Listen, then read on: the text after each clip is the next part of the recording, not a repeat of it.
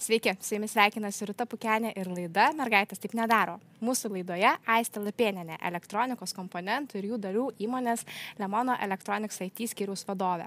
Klausantis Aistės istorijos atrodo, kad IT sritis jai skirta, tačiau iki darbo čia sekė ilgas ir labai vingiuotas kelias. Sveiki, Aistė. Labą dieną. Aiste, kai aš klausiausi jūsų istorijos, kaip atsidūrėte tekstrityje, man tiesiog širpuliukai vaikščio kūnu. Papasakokite ir laido žiūrovams, koks tas kelias buvo. Na, nu, kaip viskas, aišku, prasideda tada, kai esi visai jaunas ir bandai savęs ieškoti. Ne? Tai, tai jaunystėje tai labai savęs ieškojau, visko bandžiau. Buvau ta, kuri bandė, kaip ir visi kiti, susirasti savo vietą po šitą saulę būti kažkam naudingas, daryti kažką tokio įdomaus. Nu ir kažkaip nelabai aš ten savęs radau. Bandžiau visko ir, ir tie mokslai, sakytum, buvau lyg ir gabi, visi sakė gabi, bet kažkaip bet tokią fiziką apleisdavau, chemiją apleisdavau.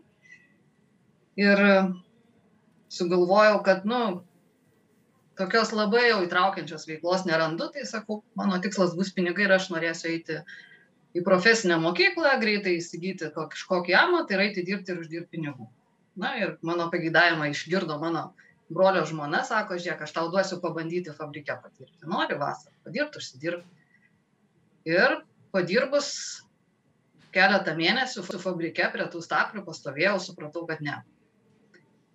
Aš ne, nebenoriu tų pinigų, nes ta veikla visiškai manęs nedžiugina ir aš nusprendžiau eiti toliau mokytis vidurinėje mokykloje tikėdamasi, na, kad kažką, galbūt rasiu kažką geriau negu e, juodas darbas. Tada 10-11 klasiai mums reikėjo kažkaip ten apsispręsti, ką mes studijuosim su universitetais, pasirašyti sutartis ketinimo. Na, nu, tai pasižiūrėjau, nu, matematika sekasi kaip ir neblogai, eisiu iš kokią mechaniką pastudijuoti, nu ką daryti, vis tiek kažką rinktis reikia pasirašiau sutartį, na ir 11 klasiai e, mums atėjo tokia nauja, naujas dalykas, nauja pamoka. Tai dar taryb, tai dar buvo 90, kelinti ten metai, pirmie jau pamiršau. Žodžiu, dar, dar ta informatika tai buvo tokia labai retas dalykas, ją studijuodavo praktiškai tik universitete. Tai buvo pirmieji metai, gal keli, kai dėstydavo paskutinėse klasėse mokykloje na ir aš vienuoliktoj klasėj susidūriau su programavimo pagrindais. Ir tai man patiko ta veikla taip mane įtraukė nors aš nebuvau mačius nei prieš tai kompiuterio nei nieko negirdėjus bet tas vat programavimas algoritmavimas kodo rašymas man labai patiko ir pradėjau domėtis o ką čia reikia kur man studijuot kad toliau ta veikla užsiimti. Taip informacinės technologijos kauno technologijos universitetas kokių egzaminų man reikia valstybinių, reikia fizikos.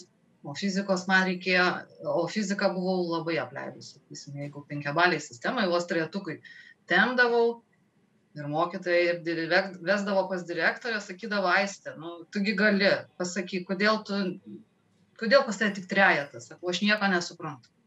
Fizikos mokytoja sakydavo, tai tu pasakyk, ko tu nesupranti, aš tau padėsiu, aš tau paaiškinsiu, aš nežinau, ko aš nežinau, aš nesuprantu. Ir va, kai aš šį šį momentą sužinojau, kad man reikės fizikos egzaminą laikyti,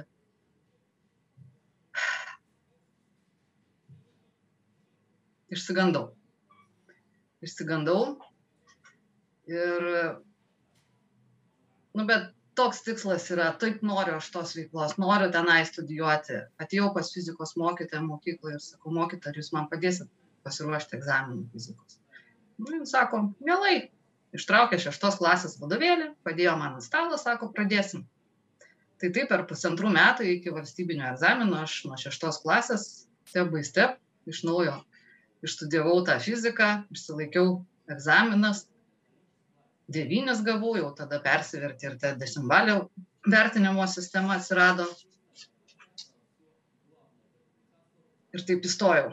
Ir taip įstojau taip lengvai, nes nuėjau į universitetą, padaviau savo paraišką ir, ir sužinojau, kad aš tiesiog praėjau mandatinę komisiją ir man jokių papildomų egzaminų laikyti nereikės ir aš ant laimės sparnų išskridau iš to universiteto. Man patiko tas užsiemimas ir, ir, ir kai paklausiau savo informatikos mokytojos, kad lyg tai noriu studijuoti, kad u, pasirinkau informaciją, ko man reikia egzaminams, kur studijuoti, jinai pasižiūrėjo, sakė, nu, o ką tu ten veiksi, ką ten merginos veiks. Taip, nu jo, pasižiūrėjau, tie, da, kam dar patiko iš klasės, tai buvo tik keletas dar berniukų ir aš mergaitė, nu bet nežinau, aš nepatikėjau ją. Aš tiesiog ją nepatikėjau, kad aš neturėsiu ką tenai veikti. Taip, tai, o visumoje tai toliau ką? Toliau įstojau universitetą, labai anksti ištekėjau, pasigimdžiau vaikelį, išėjau akademiniu. Reikėjo kažkaip, nu, nesėdėsi dabar jau, sukūrė šeimą, nesėdėsi tėvam ant sprando, reikėjo kažkaip prasimanyti pinigų. Pradėjom ieškotis kažkokio tai darbo. Tai teko turėjom čia tokį brolis sugalvojom mūsų versliuką parduotuvę turėt tuose soduose turėjom sodą ir tiesiog parduotuvę. Tai parduotuvei kad e, vykdyt veiklą reikėjo apskaitą vesti.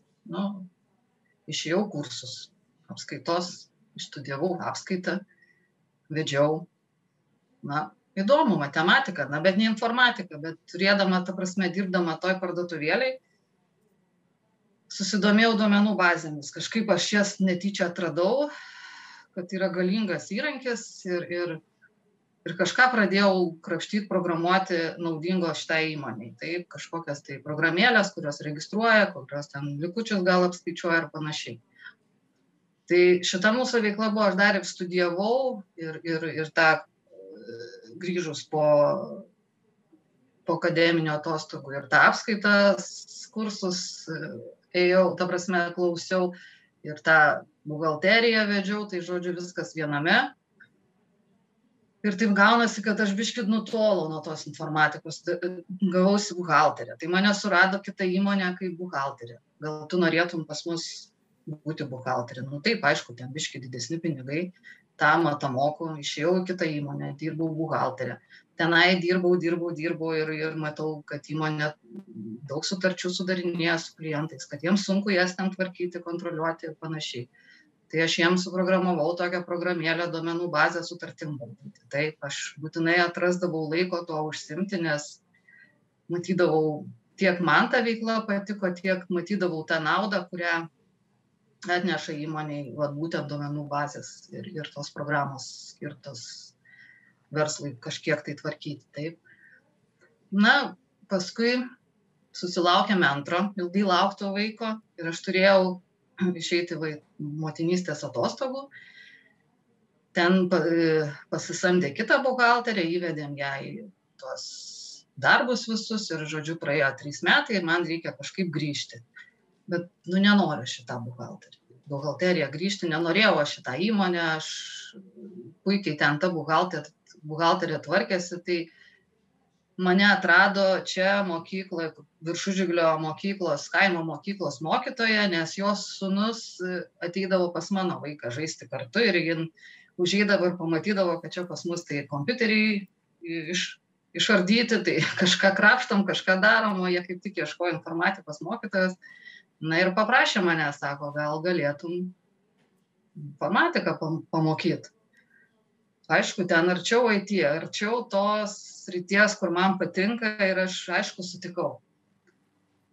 Sutikau mokinau vaikus tenai. Irgi prisigalvodavau kažką papildomai suprogramuot kažkokių programėlių edukacinių pradinukam pasikviesti mokytoją su savo mokiniais kad integra, integruotas tokias su IT technologijom pamokėlės dėstytų ir, ir kad būtų vaikam įdomiau ir man labai įdomu tiesiog negaliu to nedaryti ir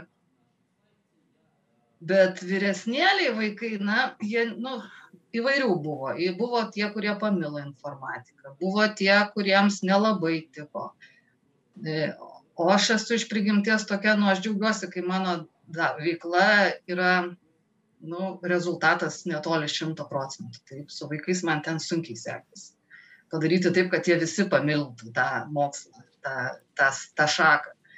Sugalvojau, greičiausiai čia yra problema, kad aš nebaigus jokių mokslų, edukologijos ar dar kažkokių mokslų. Na, atradau testinės studijas edukologijos, nepamenu metus ar du atsimokinau, gavau magistro laipsnį. Na ir žinokit, taip, sužinojau daug apie švietimą, apie sistemas, apie tai, kaip reikia mokyti ir panašiai. Nu, nu nėra pas mane to rezultato šimtaprocentinio su tais vaikais ir tiek. Nu, tai vis dar blaškydavausi, vis žiūrėdavau iš šonus ir, ir svajojau, aš noriu dirbti tokį darbą, kuris man teiktų džiaugsmą, aš noriu programuoti. Ir vieną rudenį pasitaikė toks skelbimas ir lyg tai pagal visą darbo aprašymą ten beveik tenku. Tai buvo kažkokio, kad to ar kažko nemoku, bet daugumą dalykų sakau, okei, okay, mačiau, čiupinėjau, galėčiau būti kandidatuoti. Bet buvo ruduo ir aš taip tik selė nutyso, nes pagalvoju, nu ruduo, mokslo metai prasidėjo, nu nepaliksi ten vaikų be tos, moky, be tos mokytojas. Taip greitai administracija nesusiras kito pakeisti. Na ir taip nusisukau ir, ir seilę pavarvinau ir, ir tiesiau darbą mokykloje. Ir paskui pavasarį, gegužės ar birželio mėnesį, man atrodo, vėl, vėl tas pats, tas pačios įmonės kelbimas lygiai toks pats ir aš žiauriai noriu. Ir galvoju, velniop tą mokyklą, velniop, kad, man, kad manęs jai reikia, aš noriu, aš noriu kito. Ir direktoriai sakau, direktorė eisiu. Tai aišku, nebuvo labai nudžiugus, bet jinai labai puikiai moteris ir jinai suprato mane ir jinai tikrai mane išleido ir palinkėjo gero kelio ir, ir ger, nu, nežinau, žodžiu, viskas. Ėjau aš į tą pokalbį labai nedrasiai. Iš tikrųjų, gal net ir labiau bijojau. Ir mano vyras sako, nu, žmon, nebijok tugi gali, tugi moki, pažiūrėk, tu esi tą, tą, tą padarius. Nu jo, bet sakau, gal ten viso to nereikia, gal jam kažko kito reikia. Nes, nes nekreip dėmesio, va imk, va nešiojamas kompiuteris, susirašyk čia viską, ką esi padarius ir tiesiog tu jam parodai. Nu, aš taip ir nuėjau į darbo pokalbį su savo portfolio, tikėdamasi, kad kažką parodysiu. Tai aišku, pirmą pokalbį, tai ten daugiau administracija paklausinėjo, ten, žodžiu, amžius, ten kokie lūkesčiai, koks tas darbas istorijoje, ta prasme pasikalbėjom, išsiskyrėm. Ir po, po kažkiek dienų mane pasikviečia, sako, atvažiuokit, atvežkit savo portfolio, mes pažiūrėsim, ką jūs esate padaręs. Na, aš kaip suprantu, ten ne visai tipau. Ta prasme, jie galbūt ir buvę geriau surasti kažką su kitokia kompetencija, galbūt didesnė negu aš turėjau, nes mano tokia buvo labai tokia, nu, kiek savarankiškai mėgėjiška be jokių didelių iššūkių įveikimų, tai tu per daug ir be tų, su kuo į ką gali pasižiūrėti, iš ko pasimokyti, tai yra pakankamai sudėtinga.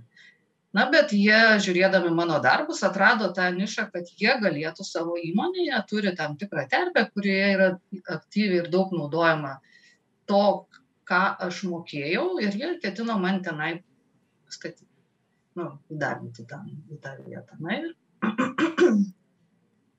ten aš taip ir patekau. Ir va ten, kai patekau, va ten va, ir prasidėjo mano visas džiaugsmas ir mano žydėjimas ir mano tikroji savirealizacija ir, ir tikroji ir didžioji nauda mano, manęs kaip tokios visuomenės. Gera klausyti jūsų iš tikrųjų savo istoriją, visą pasakojate taip nusekliai ir taip įdomiai, kad net nesinorėjo man pertraukti jos. Bet e, kelias e, mintis vis dėlto įsidėjau į galvą ir norėčiau nueiti nusekliai. E, grįžtant prie to laiko, kai buvote mokykloje, galiu pastebėti, kad jūs susidūrėte ir su labai palaikančiais artimaisiais, ir su tais, kurie visiškai nesuprato jūsų atsidavimo. Svarbus tas artimųjų palaikymas, požiūris renkantis būsimą profesiją. Uh tiems e, nedrasiems ir nepasitikintiems savim, taip, tai yra labai svarbu, to, tos, kas palaiko, ne? E, tiems, kurie tiksliai žino, ko nori ir kažko siekia, tas nepalaikymas, jisai visiškai nesvarbus. Sakysim taip, jeigu aš savo gyvenime turėjau, ne, pas mane, turėjau mamą, ne, kuris sakydavo, Aistė, aš noriu, kad tu būtum va tokia politikė, va kaip Runskinė, va jai patiko ir va jinai nori, kad aš tokia būčiau pas mane va čia va ateina ir čia išeina, nes aš žinau, manęs nedžiugina. Ir tas toksai, va, kad nesupranta, kad aš kažko noriu kito, man visiškai vienodai, nes aš tiksliai žinau, ko aš noriu. Ir ta vieta, kai aš, pavyzdžiui, e, buvau nepas, ne, nepakankamai pasitikėjau savim, sakysim, ir šiek tiek jaudinausi ir galbūt net nebūčiau įėjus kažkur tai į tą kompaniją darbintis, tai va, mano vyro tas pastumėjimas manęs ir padrasinimas tai buvo, padarė labai didelį įtaką. O jūs ir pati dirbote IT mokytoja, dabar kalbate ir apie pasitikėjimą savimi. Gal galite padėti rasti atsakymą į priežastis, kodėl uh, moterų tekstrityje trūksta, ypač moterų, bet žinau, kad ir šiaip talentų stoka čia yra iš tiesų didelė. kodėl moterų. Nu, greičiausiai, va, vadinami tie stereotipai, ne, kad moteriams kažkaip neįprasta kažkur dirbti, pavyzdžiui, vairuoti sunkvežimus būdavo, ne, ar e, technologijose kažkodėl tik berniukai rinkdavosi. Galbūt tie nusistovėjo, kad moteris turi auginti vaikus, šeimą prižiūrėti ir, ir paruošti vyrui valgyti. Greičiausiai tie, bet šiais laikais, kaip suprantu, ir keičiasi ir tas požiūris į kitą pusę ir, ir tos teisės, ir, ir moterų teisės, kaip ir sakyt, lygėja, ne, ir, ir šeimininės, rutininės darbus geba vyrai ir moteris dalintis. Ir tikrai šiuo metu aš daugiau matau moterų e, tokiuose va technologijų srityse, ne. Ir jeigu aš, pavyzdžiui, kai įsidarbinau savo tą pirmą įmonę, kur jau užsiemiau grinais tais va, programavimais, grinai kaip programuotojas, tai aš toje įmonėje tikrai buvo nemažai įmonė, greičiausiai buvau pirmoji moteris. Bet e, dabar, pavyzdžiui, nu, aš kitoje įmonėje dirbu ten kaip šitoj, kiek ten tų programuotojų moterų yra ar nėra, aš nežinau. Bet man tenka dir, e, bendrauti su kitom kompanijom, kurios verslo valdymo sistemas kuria, na ir mūsų yra, sakysim, tiekėjai, dėgėjai ir, ir tikrai randu tenai, kad yra moterų programuotojų technologijų srityje. E, kai vaikšto į seminarius kažkokius technologijų e, temomis, vis dėlto dar kol kas labai daug vyrų ir tik viena kita moteris. Bet e, pavyzdžiui, mano darbe, kai aš esu šito įmonė, įmonės, tai yra skyriaus vadovė, tai mūsų skyriuje yra penki žmonės ir trys iš jų moterys. Mhm. Tai nuo to laiko, kai buvote viena moteris kambaryje, iki gausesnės moterų bendruomenės tekst rytyje, tai tikrai galiu spėti, kad įvyko nemažai pokyčių. O jums pačiai asmeniškai, kada teko susidurti su mitais, stereotipais dėl to, kad esate moteris ir dirbate tekst rytyje? Ne. Aš, aš nežinau, aš tokių stereotipų e, irgi galvoju, ar aš nesusidūriau, ar aš tiesiog jų net pažinau nes nu vat tas momentas greičiausiai kad jeigu aš kažko noriu tai ar aš girdžiu iš aplinkos tai kas man yra naudinga tai ką aš noriu girdėti ne? Ir ir jeigu man visiškai nėra skirtumo kokį darbą dirbti moterišką ar vyrišką pagal stereotipus tai aš turbūt greičiausiai ir negirdžiu aplinkui kažkokių tai galbūt replikų ar komentarų ta tema arba kažkokių tai nusisukimų arba kažkokių tai ignoravimų, arba aš jų nepastebiu, arba jų tikrai nebuvo.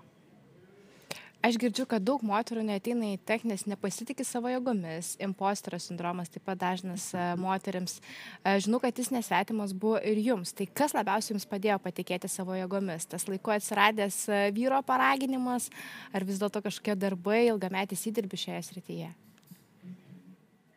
Ne, greičiausiai mane tas paraginimas tai buvo tas esminis lūžis. Ta prasme, tas pagrindinis, kuris mane išplukdė į tuos didžiuosius vandenis. Mano atveju tai taip. Nes šiaip, vat, kaip galvojant apie save, aš visą laiką tokia labiau savanaudė buvo, ne, ir aš galvodavau daugiau apie save ir aš tikrai norėjau užsimti tuo, ko noriu užsimti. Ir man visiškai nesvarbu, ką sakydavo aplinkui. Ir dabar nelabai svarbu. Bet ten, kur reikia e, įvertinti savo jėgas, ar aš galiu, e, ar aš tikrai viską padarau ir galėsiu padaryti. Pat čia šitoje vietoje pas mane yra tokia silpna vieta ir man to padrasinimo iš išorės labai reikia ir jisai labai svarbus. Ir netgi dabar dirbant įmonėje, sakysim, kai gauni kažkokius iššūkius ir, ir tu galvoji ir nesi tikras, ar tu jį veiksi ir tada negali nieko žadėti ir net negali savo atsisakyti, aišku, tu sieksi, tu kažką darysi ir, ir bandysi. Idėjų dar turi, bet niekada negali pažadėti ir pasisakyti, kad aš čia kažką nuveiksiu, aš kažką padarysiu. Ir vat, jeigu šalia nėra tų žmonių, kurie manim tik ir kurie mane padrasintų, aš niekada taip ir nepasakyčiau, kad aš galiu kažką čia padaryti iš anksto. Nu, aš galiu, aš, aš aišku, tokia, žinai, eini, darai ir kai padarai, tada gali atnešti ir pasakyti, štai yra padaryta. Bet jeigu kažkas tikisi, kad, ir, kad aš įveiksiu kažkokią užduotį tai man labai svarbu kad jie tikėtų ne tik tikėtųsi bet ir tikėtų ir mane palaikytų ir padrąsintų taip tai yra svarbu Labai įdomu, papasakokit daugiau, kaip dabar atrodo įprasta jūsų darbo diena. Man atrodo, kad vienas, viena priežasčių, kodėl moterų teks ir tie nėra tiek daug, kad mes nepažįstame tų tech specialybių ir neižvelgiame galimybių čia. Tai padėkit mums pažinti, kaip atrodo, pavyzdžiui, jūsų kasdieninė rutina, kiekviena darbo diena, kokios yra pagrindinės atsakomybės. nu žiūrėkit, dabar esu skiriaus vadovė. Ir kaip ir kaip vadovas, tai turėčiau labiau vadovauti, organizuoti darbus ir dar kažką. Na, bet visą laiką mane traukia ne tas, ne vadovavimas, ne, ne kažkoks organizavimas. Man labiau tas vat, programavimas, ne, tas projektavimas, programavimas. Tai vat, ką aš galiu, aš dieną pradedu labai anksti, atsikeliu šeštą valandą, kitą kartą jau pusę septynių arba septintą žiūrint, ar aš iš namų dirbu ar ofise, jau aš esu darbo vietoje ir kol nepradėjo visa kita įmonė dirbti, tai yra valanda, dvi, pusantros, to ramaus laiko, kada aš galiu įsigilinti į programavimo, projektavimo užduotis ir džiaugtis, mėgautis tuo darbu. O nu, toliau man prasideda, kadangi esu skyriaus vadovė, tai ir prasideda e, skambučiai, klausimai, susirinkimai, iššūkiai įmonės, nauji pokyčiai, sprendimai, darbų delegavimai, organizavimai ir panašiai. Na, kartais būna dienų tokių ramesnių arba kai savo pasisakau, na jau viskas, aš jau per ilgai negavau to, tos veiklos, kuri mane džiugina ir dabar aš matau, kad aš galiu užsidaryti, atsitverti dviem, trim dienom ir pasakyti, viskas, dabar aš užsiemu tuo, ko noriu, aš dabar programuosiu. Toks nuoširdus, tai toks nuoširdus, man atrodo, jūsų pripažinimas. Žinau, kad darbas, kurį dirba, tikrai labai patinka, esate IT skirius vadovė, bet kas kelia didelį sužavėjimo jums, matau, tai programavimas, darbas su duomenimis, net ir geležimis turbūt, matau, kad jo galėtų būti ir daugiau. Tai man labai gražu, kad ir po tiek metų, kiek esate šioje srityje, šis sritis jūs labai žavitės. Taip, mane labai žavi. Ir tai pagalvojus, vat, ir, o, kodėl, o kodėl? Kodėl jinai tiek laiko dar mane žavi. Tai vat, jeigu aš būčiau visą tą, per savo visas, tą visą veiklą, ne, nebūčiau taip įvairiai blaškiusi visur. Jeigu, pavyzdžiui, tik po studijų būčiau įdarbinta programuotojai ir dirbti septynias dienas per, šešias, penkias dienas per savaitę, aštuonias e, valandas per dieną, vien tik tai tą darbą, nu greičiausiai tai jau būčiau atsikandus ir nenorėčiau bet kadangi tai yra ta veikla kurios aš negaunu pastoviai ir nuolatos dirbti. Tai ir ir ir visą laiką matau kad ten galiu dar patobulėti dar kažko naujo išmokti dar. Tai man nenusibosta. Manau priežastis yra dėl to. Ta, ta prasme tame. O ką reikėtų daryti kad daugiau talentų būtų šioje srityje daugiau žmonių pažintų tą tech srities e, grožį kokie būtų nežinau trys svarbiausi jūsų patarimai tiems kurie nori sukti į tech galvoja apie darbą čia na sakyčiau taip ane tai šiaip žiūrint į tai į ateitį ir panašiai technologijos yra neatsiejama mūsų ateitis taip nuo kiekvieno bet kur ir jinai yra labai plati ir programavimas, duomenų bazės, webas, hardvieras, tinklai ir taip toliau. E, kalbant apie moteris, e, tai aš sakyčiau, nebijoti bandyti. Nebijoti išbandyti vieną kitą trečią sritį tos e, technologijose. Ne? Pabandžius paklauty, paklausyti savęs, kaip aš jaučiuosi. Ar aš to noriu, ar man tai patinka, ar tai užduoda man kažkokią tai E, stimulo lysti giliau, gilintis daugiau, ar tai yra man. Ir jeigu tai yra man, nebijoti, tikėti savimi ir eiti tą kryptim. Visą laiką žiūrėti, kas be nutiktų, kur be pakryptum, kur gyvenimas tave be nuneštų, nepamiršk tos krypties ir visą laiką atsisuk, jeigu tai yra tavo. Ir manau, kad e, genijai ir, ir, ir tie gabiausi ir geriausi specialistai ir, ir yra būtent tie, kurie daro tai, ką nori daryti ir kas jiems patinka daryti. Tai, tai nebūtinai technologijos, tai ir, ir, ir pedagogai, ir daktarai, daktarai ir, ir statybininkai, ir, ir, žodžiu, bet kurioj profesijai. Manau, kad genijai gimsta tie, kurie negali nedaryti to, ko negali. Ta prasme, dar, net kaip jis sako, nedaryk, daryk tai, ko negali nedaryti, ne?